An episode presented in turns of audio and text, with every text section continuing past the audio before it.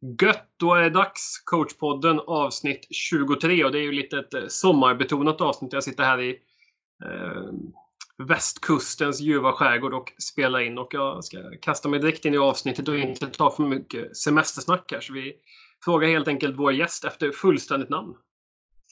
Ja, jag heter Ulf Peter Svensson Hörnsten. Ålder?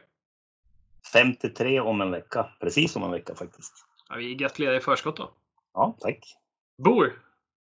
Jag bor i Örnsköldsvik, men jag jobbar i Umeå så jag åker emellan där under terminerna. Favoritlag? Ja, eh, det, det, det, lag jag tror man förknippar mig med när man pratar om favoritlag, det är nog Manchester United.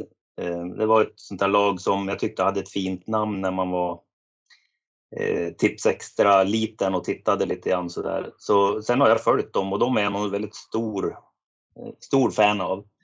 Sen om man tittar mer på innebandyn då, eh, då är det väl eh, Riglaget, bägge två som vi har, är jag ju väldigt stolt följare av och naturligtvis eftersom jag tränar dem, men faktiskt också tränar ena dotterns lag, eh, Gullänget Kroksta F07.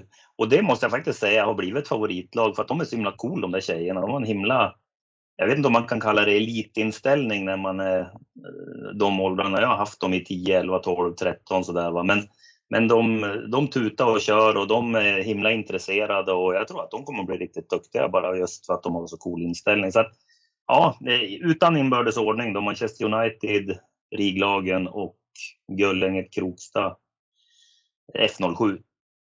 Man får väl ändå säga att Manchester United-intresset måste vara något mer positivt nu efter den här fina, eller den potentiellt fina avslutningen på säsongen. Ja, då, förut så var man ju liksom alltid glad och stolt eh, Manchester United-anhängare, men nu eh, har det ju varit några tuffa år. Jag brukar faktiskt göra en grej av att på alla sådana här eh, möten som jag kan, då har jag alltid Manchester United-kläder på mig på ett eller annat sätt så att jag liksom visar att jag håller vimpen högt även tuffa tider. Nu får vi se. Jag tror och hoppas att vi grejar en Champions League-plats och då ser det bra ut inför nästa år tycker jag. Du nämnde ju lite här med Gullänge Krokstad och eh, Rig, men om vi ska gå på liksom coachkarriären om vi kallar det så. Vart startade den och hur har resan sett ut? Ja, den är ju lite konstig då för att man får, som jag sa, jag är ju ganska gammal nu så jag har varit med länge och när jag började så fanns ju inte innebandy utan det var ju någonting man kunde spela på på skolorna eh, när läraren eh, gjorde bra idrottstimmar. Och sen, eh, så det var ju fotboll som gällde för mig. Jag skulle ju bli proffs i fotboll. Men eh, de där innebandyklubborna hängde ju med och, när jag började komma upp i högstadiet så kunde man spela fritt valt hette det efter skoltid. Va? Och där sprang jag omkring och hade ju tur att jag hade håltimme innan så jag kunde ta klubborna och bollarna och springa fram och tillbaka och spela SM och VM och EM och allt möjligt. Eh, men fortfarande ingen innebandy utan vi började ju spela några så här eh, lekcuper lekkupper när man var när jag gick i gymnasiet, andra året i gymnasiet, då först började vi förstå att det fanns möjlighet att spela kupper. Och sen dess har det varit innebandy och då, eh, jag gjorde ju allt för innebandyn som jag kunde göra för att få spela så mycket som möjligt. Så jag var ju då bidragande orsak till att vi startade IBK Sundsvall och faktiskt också första ordförande i Västernorrlands innebandyförbund. Eh, inte för att jag var kunnig utan för att jag ville få igång en serie där. Och i den vevan då när vi skulle börja spela så försökte vi vara ganska seriösa. Så att mitt första tränaruppdrag det var ju egentligen IBK Sundsvall som spelande tränare. Och det var väl samma sak där. Det var väl egentligen inte för att jag var kunnig utan kanske mer eh, för att jag hade ett driv. Och, och det var en bra utbildning om man, om man får säga så, att träna sina kompisar och träna sig själv Eh, det, det, måste jag faktiskt rekommendera om man vill jobba upp en självkänsla. Så just det där att eh, ingen berömmer mig, eh, ingen, ingen säger åt mig när jag gör fel. Tidningarna ringer till mig så att det, jag kunde ju aldrig säga att jag var bra eller så, utan det, jag fick ju hela tiden vara min egen coach och, och bedöma mina egna insatser. Och den skolan var väldigt, väldigt bra. Sen kanske jag inte var en grym tränare på den tiden. Men, men jag hade ju vilja och ambitioner. jag fick ju med mig de andra. Så det var starten. Och så sen i samma veva så var man väl där och tränade Sundsvalls damlag också. Sen åkte jag upp till Övik, flyttade dit och eh, tränade eh, F75 ett halvt år ungefär. Men det är väl kanske det viktigaste laget jag tränade för där träffade jag Maria då, som jag numera är gift med och har två barn med. Men eh, andra säsongen i Övik, jag var där tre år, då började jag träna deras damlag och gjorde det då de två åren som var kvar.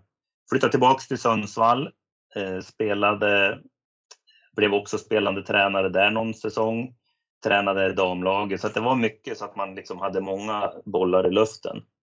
Sen sista året i Sundsvall, då blev jag ettårsfall. Och, och där startade egentligen min tränarkarriär kan man säga, för att jag satt då på läktaren och tittade på Sundsvall hade ju många kompisar i laget som jag kunde prata med mellan matcherna och såg ett väldigt bra lag förfalla totalt där. Så jag lärde mig otroligt mycket av den säsongen. Som jag sen kunde ta med mig. Och sen eh, bestämde vi oss, vi hade ju Maria med mig ner till Sundsvall, men sen bestämde vi oss, nu var det dags att flytta tillbaka till Övik. Och eh, när vi kom upp till Övik då så var det väl inte med öppna armar man tog sig emot sådär. Jag var ju typ en föredetting nästan.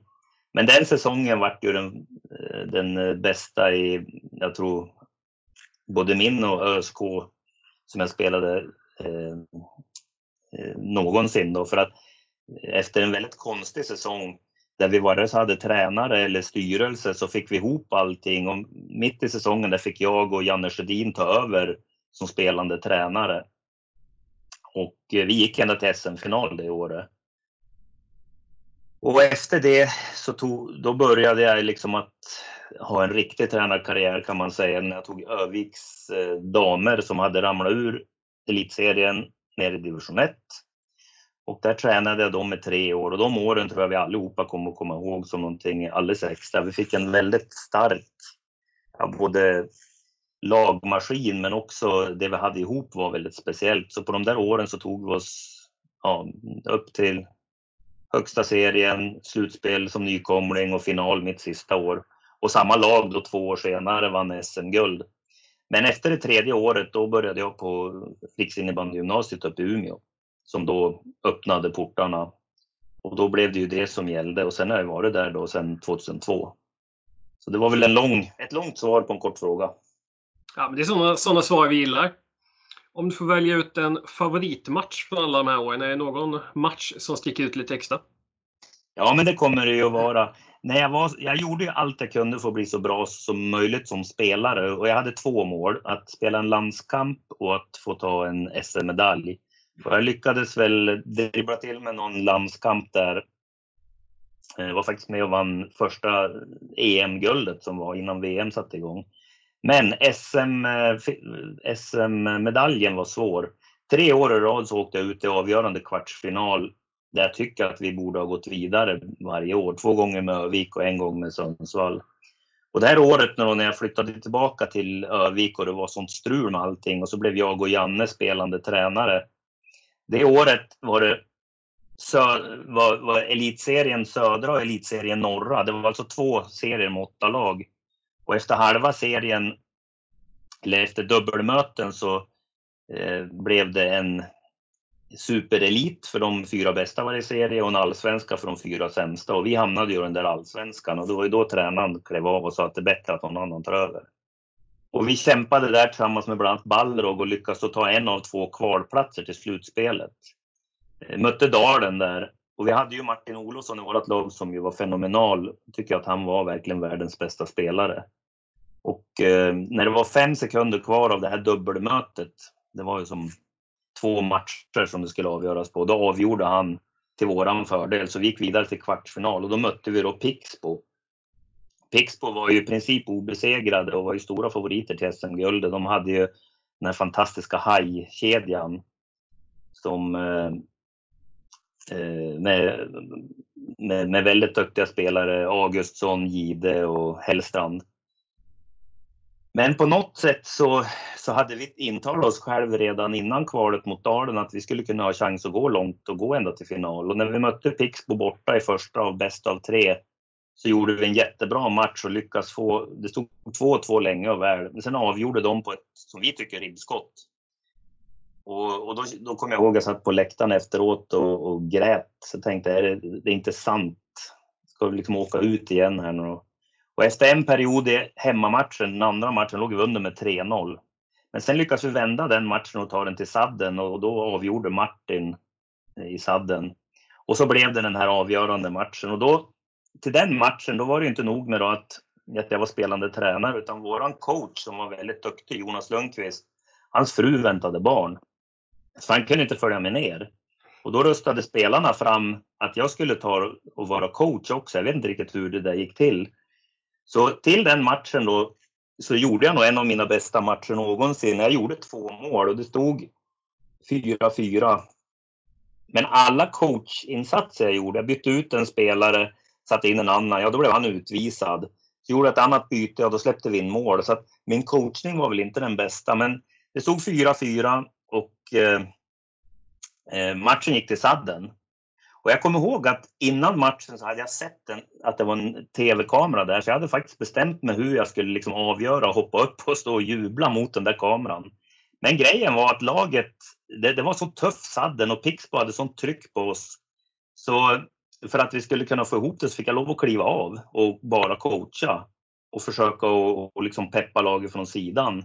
Och, och, så lyckades vi få då Martin i ett typ friläge och när målvakten gick ut långt och då spelade han över till brorsan Rickard som slog in den och då hade det gått 25 minuter av sadden. Och just den känslan när vi gör det målet och med alla uppoffringar vi hade gjort i laget och även jag själv och då. Den var fantastisk och då fick jag min SM-medalj där. Så den matchen kommer jag aldrig att glömma någonsin. Och sen när vi stod och hoppade och jublade i den här äh, högen efteråt och alla var glada, då kom Krille Berglund och våran jag vet inte vad jag ska kalla det, manager, allt i allo. Då kom han och stod och hoppade med oss och så ropade han Ni måste springa till bussen, vi missar flyget. Så alla fick springa till bussen och vi satt i matchkläderna i flyget och luktade ju unkas då, men det var en härlig upplevelse. Vi fick faktiskt poliseskort till och med till flygplatsen. Så den matchen glömmer jag aldrig. Ja, det var ju en, det var en match i hästvägen får man ju säga. Eh, ja. Känner igen det här också att man direkt måste till transport direkt efter också. Det har ju varit några sådana incidenter genom åren. Mm. Om du ska dela en kanna kaffe med någon i innebandyvärlden, vem skulle du välja ut då? Och till saken hör du att tid, plats och språk är ingen begränsning. Jag skulle nog inte göra det. Jag dricker ju inte kaffe. Jag tycker inte alls om kaffe. Men, men jag kan väl eh, bjuda på kaffe då möjligen och så kan jag dricka en Trocadero light kanske. Eh, nej, men eh, jag skulle nog faktiskt, det finns ju jättemånga, jag känner ju inte alla på djupet sådär, men jag skulle vilja prata med någon tränare och just idag så tror jag att jag skulle välja kanske någon, någon finsk tränare. Jag tycker det känns att de finska tränarna har utvecklat eh, Finland och, och även innebandy på ett spännande sätt. Och jag skulle vilja höra om hur medvetet det är och hur de tänker och så. Jag vet att det finns en, en jätteduktig coach som heter Heikki Lukkonen som var med och vann två U19-guld för Finland och som har legat lite grann bakom även herrarnas framgångar. Och min eh, lillebror Magnus då, som har varit tränare i Schweiz, han säger att den här Heikki är väldigt duktig. Så han skulle nog kanske välja då. Han, han skulle nog kunna kommunicera med oavsett språk också. Ja, men det känns som ett helt klart ett spännande val. Om du skriver på på den här härliga utmaningen att försöka definiera hur en optimal innebandyspelare ser ut. Hur, hur tar du an den utmaningen? Ja, där har man väl blivit lite arbetsskadad med åren tycker jag. Generellt sett så har jag alltid gillat spelare som klarar av att spela ganska obegränsat. Och då vet jag inte om det är för att jag själv är en gammal center, men jag ser gärna att de har lite rakare blad så att de kan vända åt vänster och vända åt höger och slå passningar med bägge sidorna av klubborna. Jag vill att de ska kunna framförallt vinna närkamper. Det, det, det, känner jag att jag märker när jag ska coacha i en viktig match och vi ska göra välja spelare. Då är det de som har vunnit mycket bollar som jag gärna sätter in. Så det är nog en viktig del. Sen med åren har ju fysiken visat sig det tänkte jag nog inte så mycket på under min egen karriär, även fast jag själv tränade väldigt hårt fysiskt. Men, men jag kan knappt undgå att se om spelare är dåligt tränade nu för tiden. Så en, en, stark fysik vill jag ju att den här spelaren ska ha. Och sen då det sista, det är väl att eh, under åren som, som RIG-tränare så har jag mer och mer sett vad viktigt det är att, att, man, att man har förstånd att satsa på sig själv som, som spelare. Va? Att man, eh, det går liksom inte att, att dra benen efter sig i livet och så sen tro att man en och en halv timme tre gånger i veckan kan uträtta stordåd, utan du måste ha huvudet på, på skaft och, och liksom eh, förbereda dig bra på många olika plan. Alltså så jag vill ha en spelare som är obegränsad i spelet, bra fysik och, och, och som är eh, beredd att lägga energi på sin karriär, skulle jag säga. Och eh, då har jag en följdfråga på det du nämnde här. Det är ju det här med stark fysiskt. Vad innebär det rent konkret? Är det bara en person som är liksom stor fysiskt sett i längd och vikt eller liksom kan det vara andra egenskaper som är intressanta? Jag har ju fastnat väldigt mycket för att man är konditionsstark. Och eh, det är väl egentligen tre skäl. Det första skälet var en säsong när vi, när vi började köra konditionsträning och då, då bestämde vi några nivåer som man skulle klara på våra tester. Annars hamnar man i det vi kallar löpgrupp och fick träna extra kondition. Och eh, senare på den säsongen så körde vi lite för hårt med spelarna, fick många små skador och eh, det var så pass många så att vi fick lov att skriva upp dem då på en lista. Och, och då visade det sig att det var faktiskt eh, namn, alltså namngrant exakt samma spelare som blev skadade som hade hamnat i löpgruppen. Och först tänkte jag att det kanske beror på att de får springa extra och så vidare, men det visade sig att när de, ju mer de tränade så, så blev de tuffare att klara av träningen också. Och det är sånt man har läst i teoriböcker att konditionen är skadeförebyggande, men det var verkligen en aha-upplevelse. Så efter det har vi blivit Eh, väldigt mån om att när vi har våra uttagningar ta ut spelare som har konditionsläge eh, redan från start, för att annars blir det för tufft för dem hos oss. Nummer två är att när vi väl hade börjat att jobba upp konditionen, då märkte vi att spelarna klarade av många fler aktioner så att de bästa spelarna orkade göra sina bra saker många fler gånger. Och, och därför har vi pressat ner de här konditionsvärdena, vad vi har för målsättningar med spelarna eh, genom åren för att eh, det, det ökar prestationsnivån ganska kraftigt. Och då spelar det ingen roll om du är en stor och stark spelare med mycket muskler eller om du är en liten och och lätt och snabb spelare, utan konditionen som sådant har visat sig vara ett vinnande koncept. Den tredje grejen, den sammanfaller ju när vi gör våra uttagningar så är det faktiskt, förutom innebandyspelandet, så är det konditionen och betygen som vi går extra hårt på. Och där kan man väl säga att har du bra betyg och bra kondition, då har du någonstans lagt ner tid på dig själv. Antingen genom att träna eh, eller genom att ha bra rörelsevanor för konditionens skull Antingen genom att vara vaken och lyhörd på lektionerna eller att du lägger ner tid på plugg. Och sådana personer har ju, som jag sa förut, då, huvudet på skaft och har ju då stora förutsättningar att kunna coacha sig själv till en bra karriär. Så eh, konditionen, eh, det är det jag tittar på eh, jättemycket. Det är ju ganska intressant. Så kommer vi in här lite på vad är ditt bästa tips till en ung spelare som då har ett intresse att utvecklas och lyckas inom sin innebandy? Ja, det är ju faktiskt att, att man lägger tid på sin karriär. Att man, jag tror ju väldigt mycket på ansträngning, det vill säga att du, du gör jobbet, eh, inte förväntar att få någonting gratis. Jag gillar ju inte gratis framgångar, utan jag tycker verkligen att man ska jobba för dem.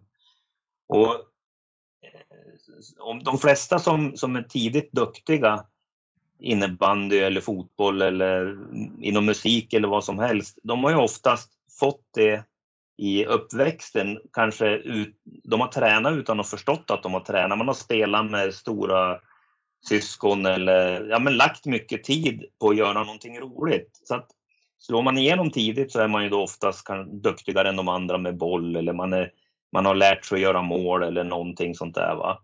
Och när de spelarna då eh, blir äldre och kompisarna som eh, då inte har varit lika framgångsrika har lärt sig att träna på andra saker lite mera medvetet, då är det rätt så tufft att svara för de här eh, som, som då tycks bara ha fått det medfött, fast det egentligen är någonting de har tränat på omedvetet. Va? Och, och det betyder ju då att ska du bli duktig, ja då måste du lägga ner tid på någonting. Vill du bli bland de duktigare senare i, i ålder, då, då, måste du lägga ner mera tid än att bara åka på dina träningar. Men den tredje och viktigaste saken det är att du faktiskt lär dig att lägga tid på det du inte är så duktig på, det som inte är så kul. Och när du klarar av att göra det, då har du ju otroliga möjligheter att påverka din karriär. Och tittar jag då på, på generella rigspelare som kommer till oss och så får de lite tid extra att träna själv. Så de som är fysiskt starka, de springer gärna ut och, och, och löper extra intervaller. Medan de som då är skickliga med boll och klubba, de står gärna och skjuter extra. Och det där är ju naturligt, men det borde ju vara tvärtom. Så mycket av mitt jobb handlar ju om att lära den här bollbegåvningen att träna fysik och fysiska spelarna att träna teknik. Och ett väldigt bra sådant exempel på en spelare som i och för sig är väldigt duktig på att coacha sig själv, det är ju Anna Wik. För att hon kunde ju verkligen spela innebandy när hon kom. Jag vet inte om jag kunde lära henne speciellt mycket i spelet. Men eh, jag försökte att jobba med att lära henne och träna och lära henne att jobba med sitt humör. Och det var ju hon väldigt lyhörd på. Hon har ju en väldig lojalitet mot sig själv och sin karriär. Så det var ju inte svårt att förstå att hon skulle nå de höjder hon har gjort. Så för oss gäller det ju då att, att lära de här eleverna att anstränga sig för framgången och att välja att inte bara göra det som är med hårs utan faktiskt ta skitjobbet också. Vi skulle gå över lite mer på dig och eh, din ledarroll. Liksom, att du ska försöka specificera vilka är dina styrkor som ledare. Mm. Jag gör ju jobbet själv också. Jag anstränger mig för att bli bättre. Jag har gjort det egentligen hela karriären. Och, Eh, jag visste tidigt att jag skulle bli tränare. Fråga mig inte varför, för jag var ju väldigt målmedveten som spelare. Men jag, så jag kunde ju ta, ta in allting som hände, alla känslor jag hade, alla erfarenheter som jag råkade ut för, alla motgångar jag hade och även medgångar. Och jag skulle nog säga att en av de viktigaste styrkorna jag har det är att jag är väldigt kunnig. Eh, jag, jag, kan ganska mycket om ganska många områden och kan prata spelarnas språk kring det där. Jag kan förstå spelarna hur de tänker och känner och, och, och tro att eh, att det skapar någon form av eh, tilltro. Så att en stor kunskapsbank tycker jag att jag har. Jag är ingen sån där som, som nördar ner mig och, och, och går igenom vetenskapliga teorier. Inte på det viset, jag är mer bred. Men eh, jag skulle säga att jag är ja, ganska stabil i kunskapen. Eh, sen nummer två, eh, om jag får ta tre grejer, så har jag lärt mig att förstå under åren att människor gärna lyssnar och, och, tror på mig. Alltså jag har någon slags förtroendekapital. Och det, det har jag nog haft sedan jag var liten. Det, det, jag kan inte komma på att jag har förtjänat det på något sätt. Men eh, jag har alltid haft en förmåga att få folk att lyssna på det jag säger och, och på något vis ställa sig ställa sig bakom mig. Och, och, och, det försöker jag verkligen förtjäna när jag har spelare och elever. Försöker att vara väldigt uppriktig och ärlig. Jag är ganska rak i kommunikationen, vilket jag tror att när de går i årskurs ett, våra elever, tror att de tycker att jag är otäck och de blir lite rädda för mig. Eh, för de vet inte om jag har någon underton. Eh, när jag säger till exempel att ja, det var eh, jag, tycker att du dribblar för mycket idag. Om jag skulle säga det till en elev, då, då, vet, då vet de inte om jag menar att, att de dribblar för mycket eller om de är dåliga och att jag inte tycker om dem. Men när de går i årskurs tre, då har de full koll på det där, så då, då, då, gillar de ofta den där kritiken, att den är rak. Då vet de att det är precis det. Okej, nästa match ska jag försöka släppa boll lite mer. Och det är inget jönseri bakom. Så jag försöker vara väldigt eh, rak och sen tror jag att eleverna känner verkligen att jag är där för dem också. Det, det tror jag med åren så fattar de, när de går ut trean fattar de att alla de här lite tuffare Eh, samtalen som jag kan ta med dem, det är för att leda dem på rätt väg. Va? Så att jag, jag, tror sammantaget att jag har en, en stor trovärdighet och att, att de har ett stort förtroende för mig, många av våra elever. Och så den sista är ju att jag själv är beslutsam och att jag, eh, att jag gärna står, står först Alltså förlorar vi en match på ett onödigt sätt och jag är väldigt irriterad efteråt. Så när jag pratar med spelarna på träningen efter då börjar jag ofta att berätta vilka fel jag själv har gjort, hur jag förberett mig dåligt eller innan jag går in på deras bitar. Va? Och jag tar väldigt, väldigt stort ansvar för, för mina och, och verksamhetens prestationer. Sen är jag duktig på att sätta upp mål och följa en röd tråd och det tror jag, den där beslutsamheten tror jag spelarna känner av och framförallt när det kommer till de här viktigare situationerna i deras karriärer eller i våra matcher, då tror jag att de känner att de kan lita på att den där röda tråden ger resultat. Så i trean tror jag att jag har ett väldigt stort som sagt, förtroendekapital på många plan hos eleverna. Men i ettan då tror, tycker de nog att jag är en liten kuf. Vad innebär en innebandymatch för dig? Ja, men jag tycker att det är det bästa tillfället att träna. Eh, jag vill ju gärna utveckla saker. Vi är hela tiden på väg någonstans med spelet, oftast offensivt. Och har jag då en träning, då, då, om vi lyckas med en bra grej offensivt, då kan det ju också bero på att eh, den andra sidan har gjort någonting dåligt defensivt. Och när vi spelar match, då kan vi dra åt samma håll allihopa och bara fokusera på våran bit. Så jag använder verkligen matcherna till, till träning och utveckling. Det är inte så där så att jag sitter på sidan och, och, och bara tittar på och analyserar efteråt, utan vi har väldigt tydliga mål som spelarna ska genomföra, ibland individuellt och ibland i femmer för att eh, ja, men klättra vidare på den här eh, utvecklingsstegen för att bli ett så bra lag vi kan bli varje säsong.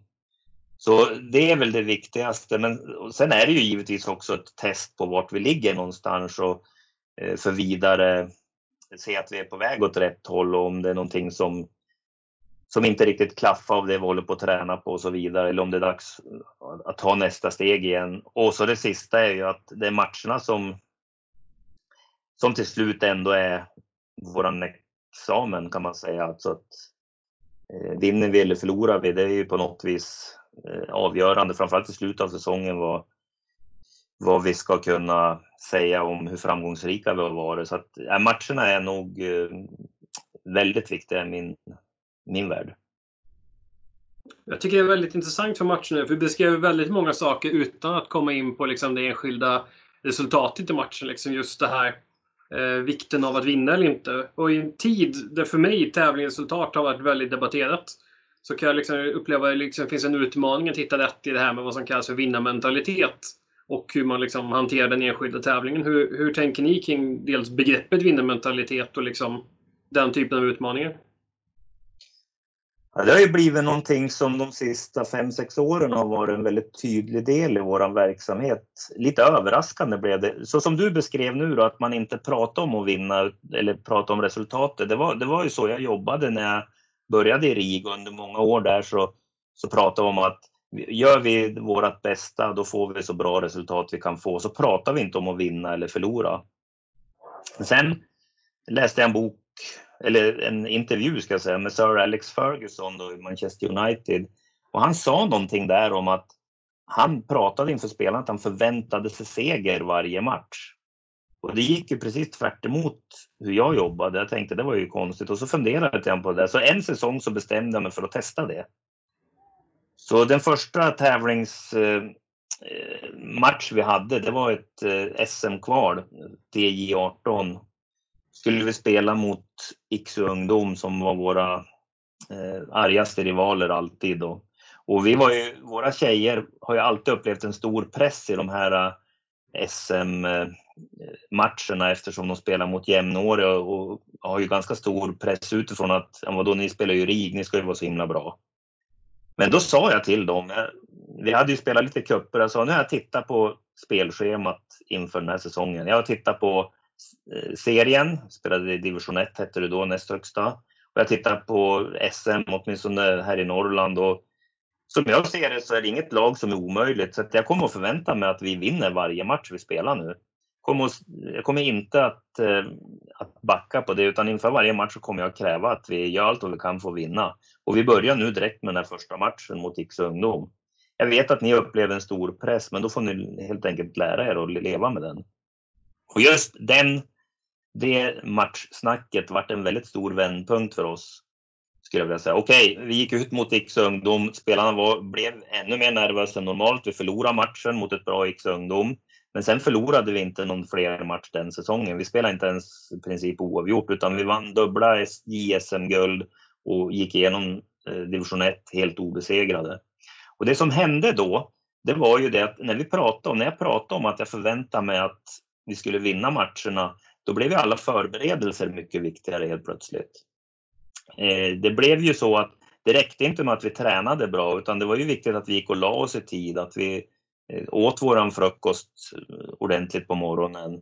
När vi spelade de här SM-matcherna så gick vi alltid och la oss tidigare än motståndarna, klev upp tidigare än dem. Vi visste att vi hade tränat ihop oss med sikte på det här kvalet eller regionslutspel eller innebandyfesten eller vad det månde vara i, i flera veckors tid.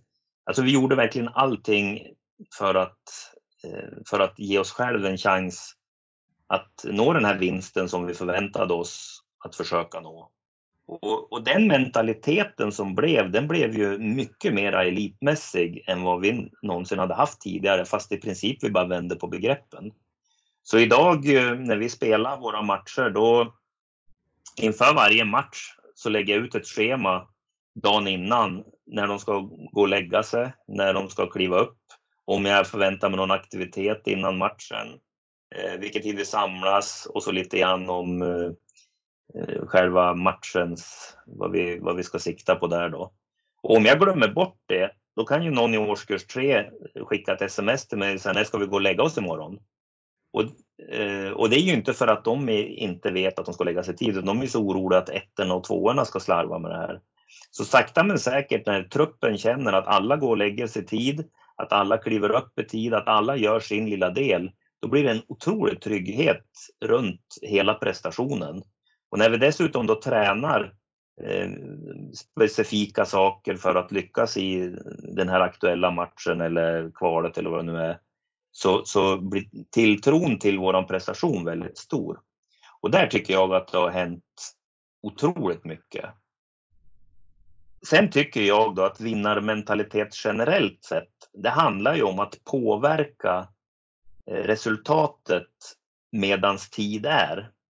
Det här att man mäter en vinnarskalle på att någon blir arg för att de förlorade, det blir jag bara upprörd när jag hör. För att Eh, om, om det är att vara vinnarskalle när man blir arg för att man förlorar, då redan i definitionen så har man ju misslyckats. Så tanken är väl att man inte ska förlora. Utan det handlar ju om att göra jobbet här och nu. Fokusera på rätt saker. Ja, vi ligger under. Vad borde vi göra nu? Eller ja, vi leder. Hur ska vi se till att vi inte tappar initiativ i matchen och så vidare. Och där finns det ganska mycket att jobba med och där tycker jag vi hittar ganska fina planer också då för att få spelarna att känna, Eh, känna inte en stress utan en möjlighet när vi går in i, i de här tävlingarna som jag eh, upplever har varit väldigt vinstgivande. Och vi har ju varit en vinstmaskin. Vi har ju vunnit eh, DJ18 SM de fem senaste åren. Det är vår viktigaste tävling. Nu vart det ju inget det här året, men vi var ju slutspel även nu. Och, och även eh, serien, näst högsta serien, allsvenskan, har vi vunnit sex år i rad. Så vi blivit väldigt duktiga på att ta tillvara på chanserna när de dyker upp, tycker jag. Det, och det är ju jätteintressant det här liksom eh, hela vinnarmentalitetsgrejen. För det är ju lite som Per Tjusberg var inne på i senaste avsnittet, att du orkar vara uthållig i din satsning. Att precis göra de här valen som ni gör, gå och lägga dig i tid, äta ordentligt och liksom sådana saker. Eh, men om vi ska gå in på liksom den delen av träningen som kopplas mot den enskilda matchen. Hur stor del av träningen kan ni lägga just mot en prestation, en match kopplat till långsiktig utveckling? Ja, men det där beror ju på när på säsongen det är. För att när vi startar varje säsong, då har ju våra viktigaste spelare, de som gick i årskurs tre förra året, försvunnit. Och så kommer vår nya tredjedel in som är ju Eh, väldigt märkta av att nu ska de flytta hemifrån. De är totalt gröna i allt som har med, med RIG att göra, både att vara i Umeå och gå i skolan och, och våran träningsmetodik eh, och även antalet träningar och så. Så att, när vi startar säsongen så handlar det om att få ihop ett lag av, av det här spretiga. Det, de gamla årskurs tvåorna ska le, lära sig att leda laget och de nya ska lära sig att komma in. Och då, då, då gäller det att skapa ramar, så då är ju varje vecka egentligen bara ett sätt att att försöka att jobba med vårt eget spel och, och, få alla in i träningskulturen och, och så vidare. Va? Så, så just där och då så är det ju bara träning för att bli bättre eh, med tiden under säsongen. Sen när vi kommer närmare de här regionslutspelen, eh, om vi väl har tagit oss dit och ännu mer då mot slutet av säsongen när det är innebandyfesten eller avslutning av serien. Där, där kan det absolut vara så att vi lägger ett jättestort fokus på att, eh, att möta en motståndares styrkor eller svagheter. Och då, det kan vi göra flera veckor innan om det är någonting väldigt speciellt. Så exempelvis när vi var mött Thorengruppen i både SM och serien så har ju de spelat en väldigt hög 1-2-2 forechecking som vi haft problem med tidigare. Så då har vi ju eh, alltid tränat på den, nå någon träning ett par veckor innan för att eh, kunna möta det, den där pressen med, med någon slags eh, kunskap och självförtroende. Så, så, där, där får man ju lägga krut på att förbereda sig för, för just den typen av matchbild. Och hur, hur konkret ser det ut? Är det att ni spelar själva med 1-2-2 mot varandra eller liksom hur har ni jobbat då? Ja, först, först så får man ju då rita upp eh, hur man vill, dels vad de har för fokus och vad, vad det kan finnas för svaghet i, i deras sätt att pressa och så hur vi då ska försöka lösa det. Då kan man ju ha ett antal, ett antal då varianter eh, beroende på om det är vänster eller högerback som har den och har bollen från vårt lag. Och sen när vi väl har gått igenom dem, ja då, då torrövar vi dem så att vi ställer upp spelarna och alla får prova på sina positioner och sina rörelser eller aktioner. Eh, och sen försöker vi att, att lägga in då ren uppspelsträning och, och sen vi, ibland gör vi som du beskrev då, att vi har ett lag som får spela 1-2-2. Men eh, i så fall är det oftast då, om det saknas som spelare så någon av oss tränare får hoppa in och spela och det blir liksom mer en, en tydlig fjärde femma. Då, då kan vi spela lite grann motståndare. Eh, men annars är det, det räcker ganska mycket med att, jag, jag tror ju mycket på att man, att man gör kartor av framtida eh, behov.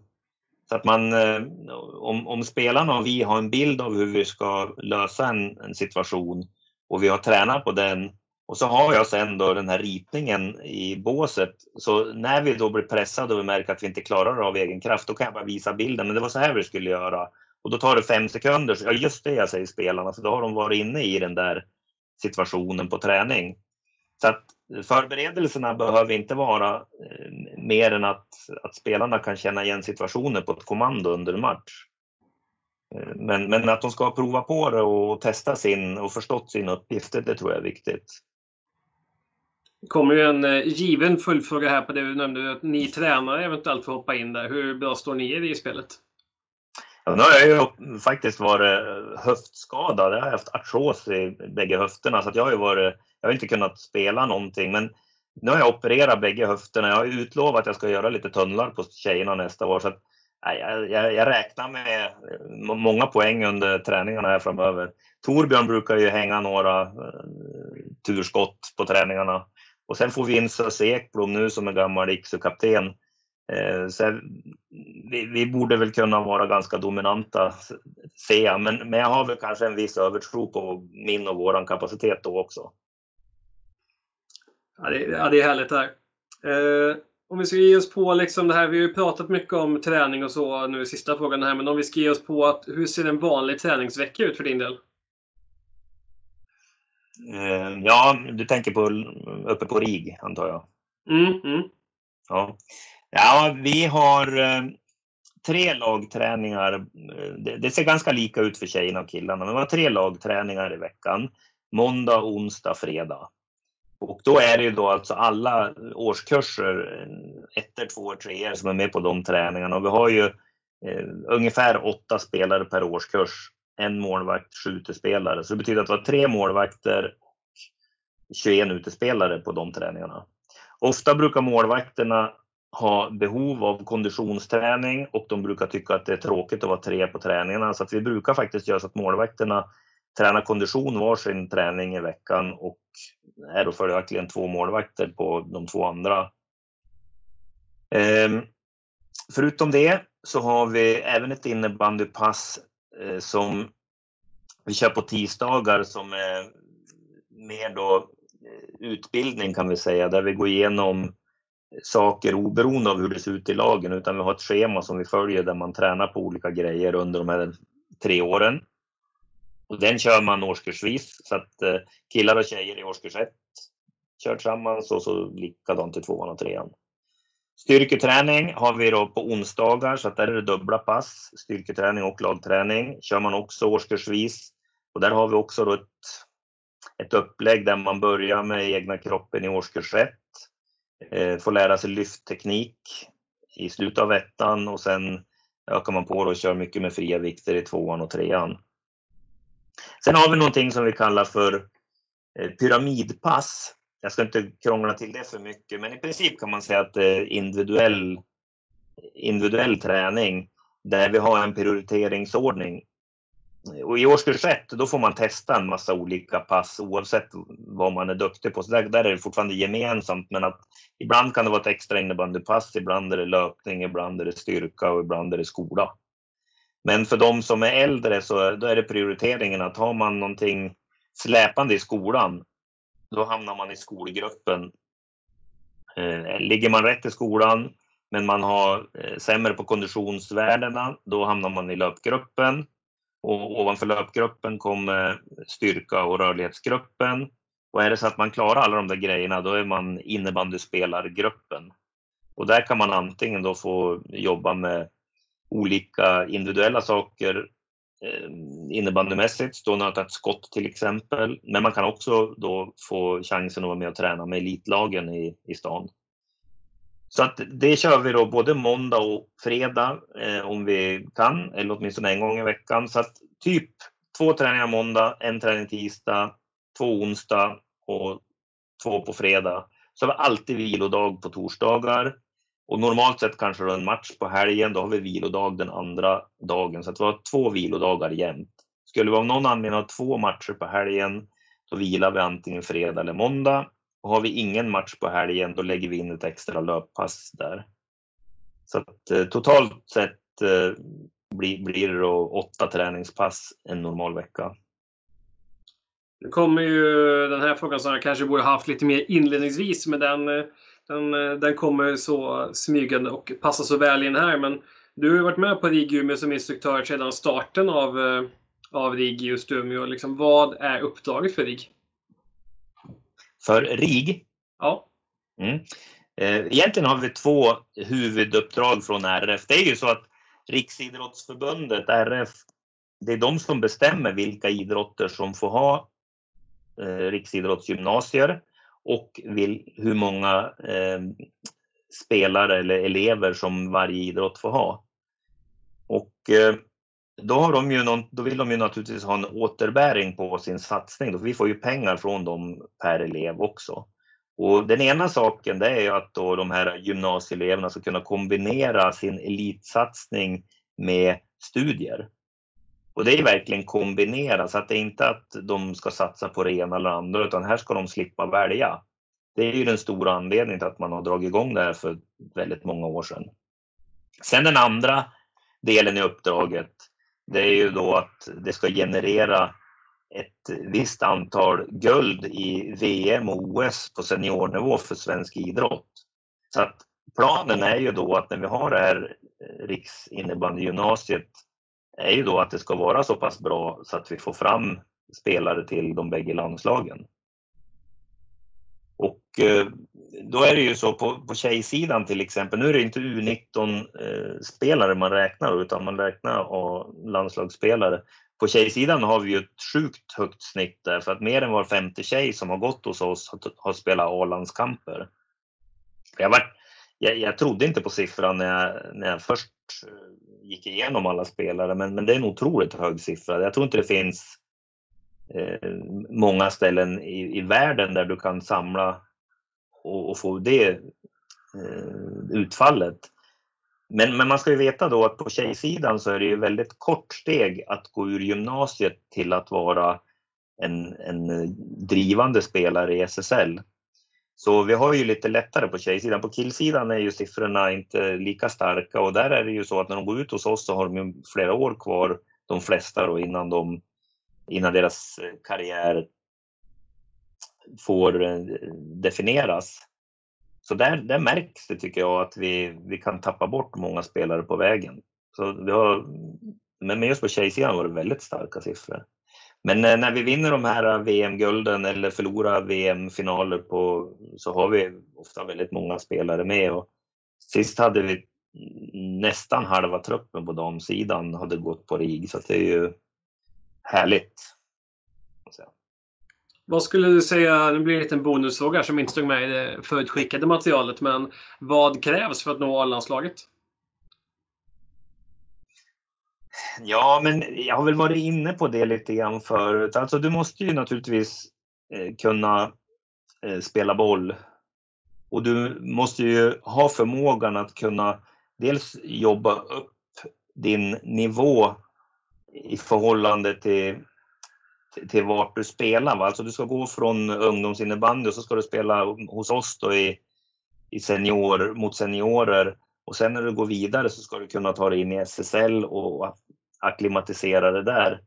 Och, sam, och samtidigt måste du ha någon slags mental tuffhet där du kan gå din egen väg och inte lockas av att följa med i fel riktningar eller kunna, Eh, kunna göra val, vilken klubb som passar och, och mm, liksom vilket steg är, är, rätt för mig nu. Så, att, så att det är som jag sagt tidigare, du måste vara beredd att, att göra jobbet eh, och, och sen måste du ha huvudet på skaft. Du måste vara medveten om alla steg så att du kan, kan undvika fallgropar på vägen. Så då, om jag tar en sån som Emil Johansson till exempel. Va? Han, eh, han ja, var ju duktig när han kom till oss. Sen tyckte jag att hans karriär accelererade väldigt kraftigt under, under tvåan och trean. Jag, jag, att han blev så bra eh, då, det hade jag inte förväntat mig, men däremot när han gick ut från oss så kunde man se på många sätt att den där killen kommer att bli bra. Han, eh, eh, han, han Alexander Rudd var ju någon slags radarpar kan man säga då, i den årskullen. Och jag kommer ihåg att jag hade ett snack med dem i tvåan när jag frågasatte dem. För att jag tyckte att visst, de var ju skitsur på träningar om, om de förlorade och kunde ju trycka någon över sargen eller skrika åt en annan när man stod och dömde. Men jag började ifrågasätta om är det det som är vinnarmentalitet? Se till att göra jobbet istället. Se till att hjälpa ditt lag när ni behöver någonting. Och det där tyckte jag framförallt Emil var otroligt duktig på att ta åt sig av. Så i trean, då var det en helt ny kille. Inte alls den där stöddiga killen utan en som, som valde med omsorg eh, sina strapatser och, och som verkligen jobbar för att bli bra. Va? Och hans eh, utveckling sen han kom vidare i Umeå City och Falun har ju varit helt otrolig. Eh, men, men, men han har ju inte fått den gratis. Och det är sådana typer av spelare som jag älskar när de verkligen kan gå hela vägen på det sättet. Och jag som, sa ju Anna Wik förut, Emelie Wibron skulle jag kunna lägga till. Alltså det finns ju många spelare som har eh, Eh, Robin Nilsbert som, som är beredd att, att verkligen göra jobbet för sin egen och sitt lags skull. Va? Det, då, då, då kan du ta det till A-landslaget om du har, har lite tur. Och Det jag tycker är lite gemensamt med alla de här spelarna, det handlar ju liksom att de också har en väldigt hög förmåga i spelet att uppfatta liksom vad som sker och ta beslut utifrån det. Någonting man skulle kanske kunna kalla spelförståelse lite slarvigt. Hur liksom, tänker du kring begreppet spelförståelse? Ja, det där är ju faktiskt någonting som det är väl senaste senaste grejen som, som vi har tagit tag i. Det, det där är väl lite typiskt hur jag fungerar skulle jag gissa. Men Ulf Hallstensson eh, jobbade ju hos oss under två år. Det var tre år sedan tror jag han började. Då hade han ett halvtidsprojekt hos Svenska innebandyförbundet där han skulle jobba med produkten innanför sargen i SSL. Och samtidigt skulle han då ta fram fakta vad, vad som eh, förväntas av en RIG eller NIU-spelare när de går ut gymnasiet. Vad, vad vill landslagen eller vad vill eh, SSL-klubbarna? Vad, vad, vad, vill NIU och RIG att de här spelarna ska ha? Och, och intervjuade ju väldigt många och grupper och, och mycket folk. Och, och, den stora grejen som kom fram det var att man tyckte att spelförståelsen på dagens generationer var för låg. Och att den behövde förbättras. Och då känner jag direkt att jag går igång på det och tänker att det där måste vi kunna göra någonting åt. Det kan ju inte vara så enkelt att, att det bara är att spelförståelse, att det föds man med. Det finns ju som ingen sån gen för överlevnad att spelförståelse i en lagidrott, ja då, då överlever arten. Utan det där är någonting som måste tillkomma på något sätt. Och det finns ju då en, en modell som Svenska innebandyförbundet har ärvt från fotbollen om, där beslutsprocessen beskrivs i fyra steg. Att uppfatta, att eh, värdera, att besluta och att genomföra. Då satte jag mig ner och började fundera kring de där. Att det måste ju vara så enkelt att det går att träna upp alla de här bitarna. Och att eh, om, om man då tränar upp varje steg, då borde ju själva eh, helheten förbättras. Jag gillar egentligen inte ordet spelförståelse för att det är egentligen spelskicklighet vi är ute efter. Eh, själv till exempel så har jag en fantastiskt bra spelförståelse idag. Mycket bättre än när jag spelar, men det är knappast någon som vill värva mig till något SSL-lag. Så att det är inte att förstå spelet som är det viktiga, utan det är att kunna eh, Eh, påverka spelet på bästa möjliga sätt. Om jag gör bara en snabb eh, genomgång av de här grejerna, så att uppfatta spelet det är ju att ta in information från banan. Man kan höra, man kan se. Och om man då tänker sig till exempel eh, att en målvakt har ju en otroligt bra uppfattningsförmåga från sin position. Så länge som det är fritt synfält. Men om det då kommer en massa spelare och ställer sig i vägen, då behöver den här målvakten få hjälp med att okej, okay, men hur ska jag kunna eh, ta in information nu? Jag ser ju ingenting. Eh, ska målvakten ställa sig upp? Ska den titta mellan benen? På, ska den flytta sig i sidled? Det där är ju någonting som en målvakt absolut kan träna upp så att den får en, ett försprång mot sina konkurrenter i att alltid se bollen. När bollen hamnar bakom mål, hur gör den här målvakten då? Och, och likadant kan vi ta i ett uppspel, en center som möter en back till exempel och kommer i mitten. Om den då näsan hem mot backen, ja, då ser ju den backarna och, och bak, bakdelen på egna zonen. Eh, det betyder ju att den har ju ingen chans att ta något vettigt eh, anfallsbeslut. Ska egentligen bara spela tillbaka bollen. Men om samma center möter med, med sidan mot, då har den ju öppnat upp en hel kant. Eller om den skulle öppna med, med ryggen mot och bara liksom vrida på huvudet, då skulle den kunna ta emot bollen och så direkt vara i spelbar anfallsriktning. Så det finns ju mycket sätt att träna. Hur ska spelaren vara Eh, i position för att se så mycket som möjligt, få in så mycket information som möjligt. Och sen om man ändå tar, tar den här att uppfatta, så det räcker ju inte att se spelet, du måste ju veta vad du tittar efter.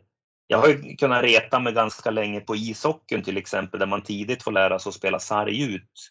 Och så kan jag sitta då som innebandy tunt och sitta och titta på en hockeymatch och så ser jag att det är tomt i mitten, men ändå spelar backen sarg ut. Och jag förstår inte varför man gör det. Men det är ju naturligtvis för att man har eh, präglats under sin uppväxt att pucken ska spelas en viss väg. Men tyvärr så tycker jag att det där har kommit till innebandyn också. Så många gånger när vi ska träna våra spelare i, i anfallsspelet så får jag lära dem att titta in i mitten. Så till exempel då i ett uppspel, om vi har en spelare fri i mitten så, så uppfattar ju spelarna inte det automatiskt utan de är ju präglade på att spela en back, spela över till andra backen eller man spelar upp efter sargen. Så det tycker jag är ett problem i innebandyn, att vi för tidigt lär spelarna att spela givna passningar istället för möjliga passningar. Om man går vidare sen till att... Ja, förlåt. Ja, men jag tänkte säga, det går också tillbaks till en övningsstruktur där vi ofta jobbar med övningar som har ett förutbestämt mönster. Att när jag får bollen så är aktionen förutbestämd för jag ska bara ticka vidare sarg upp och så vidare. Ja, skitbra inspel. Alltså precis så är det. Det är värre än så också. Nu fastnar jag på det här då, men om du tittar till exempel på ett eh, SSL-lag idag som spelar med mm, högerstyrning, det har ju varit ganska inne under många år. Om du tittar på det laget som själv har en högerstyrning, det vill säga att de vill att motståndarna ska spela bollen till höger och spela upp på sin egen högra kant. Och sen tittar du när det laget som, som använder den här högerstyrningen, när de själv ska spela upp bollen. så är det nästan alltid att deras vänsterback, som då träning ut och träning in är utsatt för den här höger pressen nästan automatiskt spelar bollen åt höger själv. Tittar inte ens upp efter möjlighet, utan liksom, man, kan nästan se på kroppshållningen på en gång att den har redan bestämt sig för en passning. Och där tycker jag vi är snett ute och framförallt så tycker jag att vi, vi som tränare, om vi har en strategi med att bollen ska spelas på ett visst sätt från motståndarnas sida, då måste vi försöka att bedriva ett anfallsspel där vi själv inte faller i samma fälla. Så det där kan jag bli lite upprörd när jag ser. Och själv försöker jag verkligen få våra backar att få en kommunikation med forwards hela tiden i alla lägen snarare än att ha ögonen då på sin backkollega. Och allt det där tycker jag ligger i hur man uppfattar och ser spelet. Vad tittar jag efter och hur mycket ser jag? Och sen då om man går vidare till nästa punkt, den är ju större. Jag tänker inte prata lika mycket om den, men att värdera, det är för mig kunskapsdelen. Att man känner igen situationen. Jag sa förut att jag gillar att spelarna får kartor. Och här, här tycker jag att vi som tränare har en jättestor uppgift i att utbilda spelarna, framförallt i anfallsstrategier. Eh, jag kanske kliver flera på tårna om jag säger det, men jag tycker det är alldeles för många tränare som säger att nej, men spelarna ska själva få, få använda sin egen kunskap och sin egen inspiration till att lära sig spelet. Men, men all forskning säger att vill du nå framgång så ska du, ska du se till att du eh, tar hjälp för att skynda på tiden för att samla på dig kunskap. Så om vi tar till exempel nu då att du och jag spelar innebandy och så har jag lärt mig ett väggpass och du har inte lärt dig ett väggpass. Så, så har jag en jättestor fördel i situationen när en spelare vill använda mig som vägg eller så att jag känner igen den situationen. Men du då ska då lära dig det av egen kraft. Känns, eh, känns ju som att det blir ett onödigt långt steg för dig att ta. Då är det ju bättre att spelarnas eh, initiativförmåga eller kreativitet används för att utveckla det vidare när man har lärt sig det här mönstret tillsammans. Så att för mig är ju den här kunskapsdelen, det är ju där jag har min största uppgift. Det är att lära spelarna en massa olika tips och mönster framför allt. Och jag tror att en stor anledning till att spelare som går på RIG håller på ganska många år efter att de har slutat hos oss, det är för att de får, ju mer de lär sig kring spelet innebandy så blir passionen också större att, att hålla på längre tror jag. Och jag, jag kan bara jämföra det med, jag är inte jätteduktig på datorer, jag är inte sorglig heller, men eh, om vi säger att jag har ett Excel-dokument framför mig så kan jag göra ganska enkla grejer. Men om du skulle lära mig då lite mer eh, hur jag verkligen kan använda det programmet och, och, och skriva formler och grafer och då, då skulle jag kunna helt plötsligt börja bli mycket mer nyfiken och kanske utforska det här programmet mer och gå vidare själv i nästa läge. Va? Men jag, tror, jag gör ju inte det så länge jag inte får den här hjälpen med kunskapsbiten i första läget. Så jag, jag är väldigt inne på att just den här att värdera delen, där måste vi hjälpa spelarna att förstå spelet mer och mer så att de inte behöver uppfinna hjulet i början av sin karriär och kanske då inte kommer upp i sin fulla potential. Ja, orkar du med mer? Ja, shoot, jag är eld och lågor. ja, med sen, Eh, det här med besluta, att ta beslut, det är ju givetvis då i första hand en produkt av hur mycket har du uppfattat av spelet och hur mycket kan du eh, förstå av det du har tagit in. Så att den som har, eh, har lärt sig att eh, ta in mycket information och förstå mycket av informationen, den har ju då en spelförståelse och en spelintelligens i grund och botten. Och det är där jag menar att där kan jag själv känna att man blir smartare även efter karriären om man fortsätter att vara intresserad.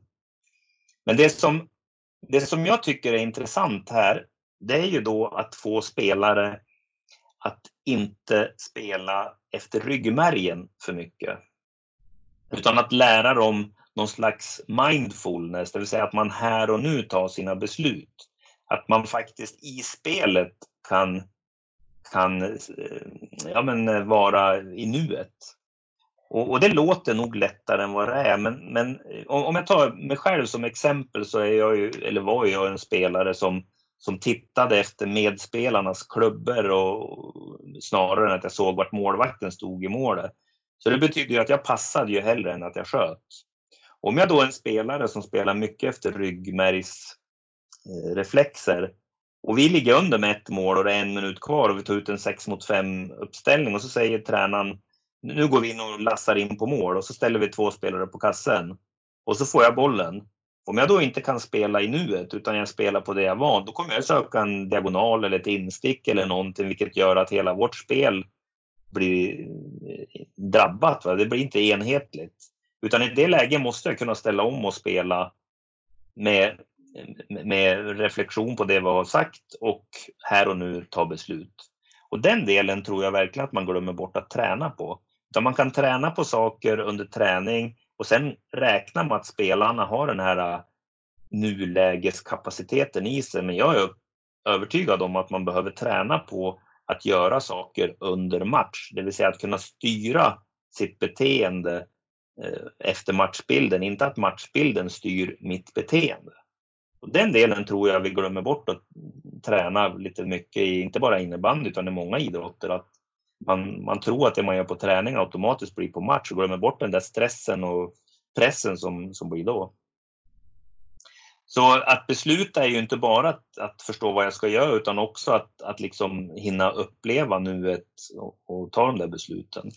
Och sen tror jag också då i de här besluten man tar så är personligheten en stor del. Är man en risktagare som, som jag var när jag spelade så, så vågar man ju slå ganska många svårare bollar men kanske undviker att spela de enkla. Då behöver jag träna på att spela de enkla och värdera när jag ska göra det ena och det andra. Medan eh, den spelaren då som väl spelar ganska enkelt och ger ifrån sig bollen snabbt behöver lära sig att se även de är svårare så att vi inte går miste om väldigt bra målchanser bara för att den ska spela sitt trygga spel. Så det finns ganska mycket att jobba med på den här beslutande delen, men där är det mer individuellt präglat, inte, inte lika mycket en ren utbildningsplan.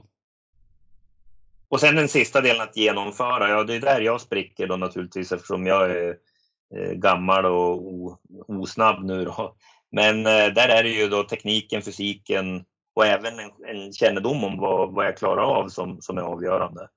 Och, och, det fina med att om börjar man att jobba med de här fyra bitarna i en, i en ganska organiserad form så är det ju enkelt sen att låta spelarna analysera sitt eget spel. Och när man då gör någonting väldigt extraordinärt eller någonting som inte alls lyckas, då kan man gå in och titta på var, vilken av de här fyra delarna var det som jag lyckades med eller misslyckades med.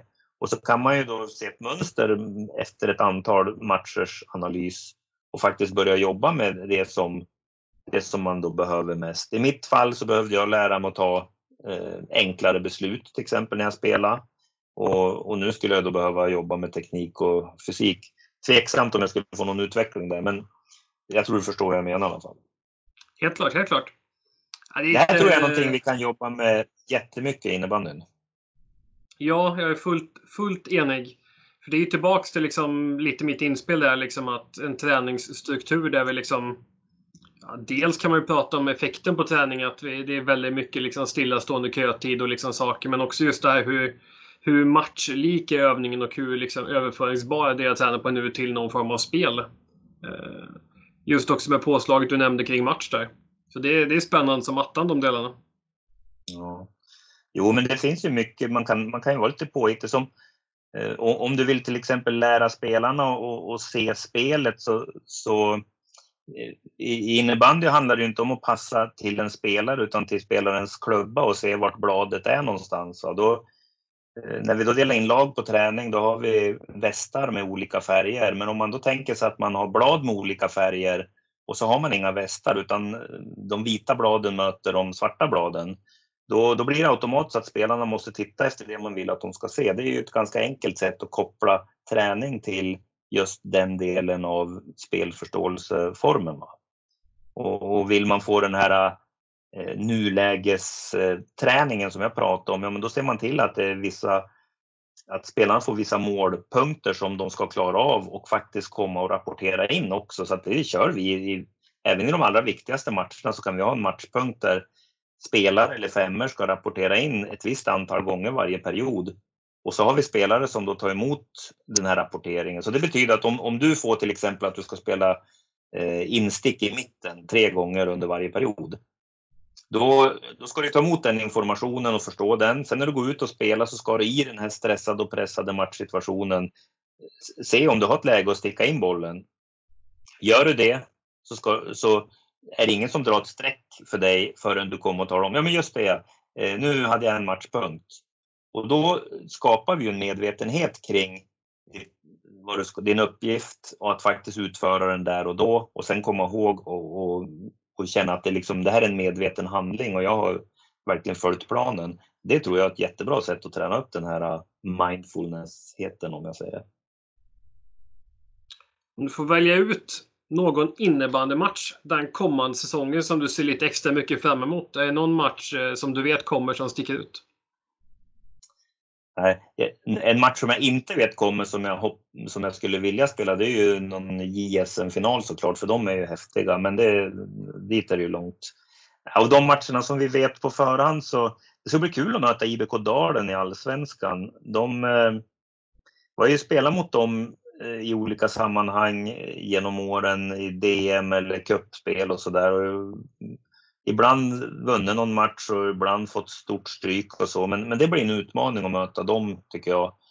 Eh, och det tror jag tjejerna ser fram emot. Så att om jag ska säga någonting så är det väl, är det väl i så fall seriematcherna mot Dalen. Då. Kommer vi till nästa sekvens av podden. Du ska få svara på fem snabba frågor. Där vi då ska svara snabbt och impulsivt. Yes. Har du något rekord på vem är snabbast hittills på de här? Oj, den var en jättebra fråga. Det har jag noll koll på, men vi kan ja, se om vi kan slå rekordet då. Yes, jag är med. Träning eller match? Match. Powerplay eller boxplay? Powerplay. Matchgenomgång innan match eller snack i periodpaus? Matchgenomgång innan match. Eh, spela själv eller coacha? Coacha. Juniorallsvenskan DJ17 eller Juniorallsvenskan DJ18? DJ18. Ja, men vi, det var nog en topptid i alla fall. Ja, visst måste det vara det. Det. Eh, men, men jag måste faktiskt få, få, få, säga en sak och det var det här med eh, jag är ju aldrig så lycklig egentligen som när jag själv spelar innebandy. Just när, för jag har ju verkligen den ny, nuläges... Alltså jag, jag får sån otrolig eh, lycka av det. Men däremot så kommer jag ju aldrig kunna få spela matcher som är på någon nivå så det var därför jag säger coacha där. Så den, den, den skulle kunna vara 1, kryss 2 på den. Jag kan tycka det är väldigt intressant just den frågan när man jämför med en coach som kanske inte var särskilt duktig som spelare och blev coach av den anledningen. Då tänker jag ju på mig själv. Där liksom eh, min, min kunskap om spelet som aktiv var ju väldigt, väldigt begränsad, vilket gjorde att jag hade väldigt svårt att hävda mig. Men det gjorde ju att jag sökte andra vägar in i sporten och liksom är aktiv som ledare istället nu. Eh, och det är väldigt intressant att se liksom just hur man känner inför spelet som ledare. Ja, men kan du ta med dig det in på något sätt och den erfarenheten när, när du då själv står som tränare? Det tycker jag nog. På vilket sätt? Det, är, det, det är jätteintressant att försöka resonera i, men framförallt kan man känna liksom en väldig tillfredsställelse över att man har lyckats hitta en plats där man känner sig lite mer delaktig och tillhörig. Eh, mot när man liksom var eh, som spelare. Liksom, det var väldigt sällan man hade chansen att göra någonting som påverkade laget. Eh, givetvis kunde man ju liksom jobba hårt i de delarna. Liksom. Men att nu få vara ledare och vara delaktig och liksom kunna känna att man kan hitta något sätt att bidra liksom till, till det vi gör. Det är en väldigt tillfredsställande känsla kan jag tycka. Mm. Men jag tror att den är ju väldigt viktig att ta med sig. Den erfarenheten ska du ju verkligen värna om. För min upplevelse är att ett lag som, som Eh, ska kunna prestera bra där man slåss för varann, då tycker jag att det viktigaste är att få en bra känsla hos de spelarna som spelar minst. Jag är ju, eh, jag är ju väldigt mån om när vi, när vi liksom tar ut ett lag inför de här viktigaste matcherna, att eh, försöka ge en så bra grund åt de som kommer att spela lite som möjligt. Jag är ganska tuff med dem och säger du kommer inte att spela mycket. Även fast jag kanske tror att de kommer att få spela lite grann. Men om de kan acceptera det och känna att de ändå är viktiga, då vet jag att vi har nått väldigt långt. tvärtom så brukar jag inte lägga så mycket krut alltid på de här bästa. De som spelar i första femman, om vi spelar en viktig match och de gör mål, så, så brukar jag knappt kommentera det. Eller jag brukar inte kommentera det, utan jag, jag drar mig nästan tillbaka. Men jag blir väldigt glad om någon i tredje femman skulle ens skapa en målchans. Och där kan jag ju ibland få kommentarer från de första femman. Vi får aldrig något beröm, säger de. Alltså du berömmer tredje femman när de gör någonting, men, men även om vi gör två eller tre mål, du får berömma aldrig oss.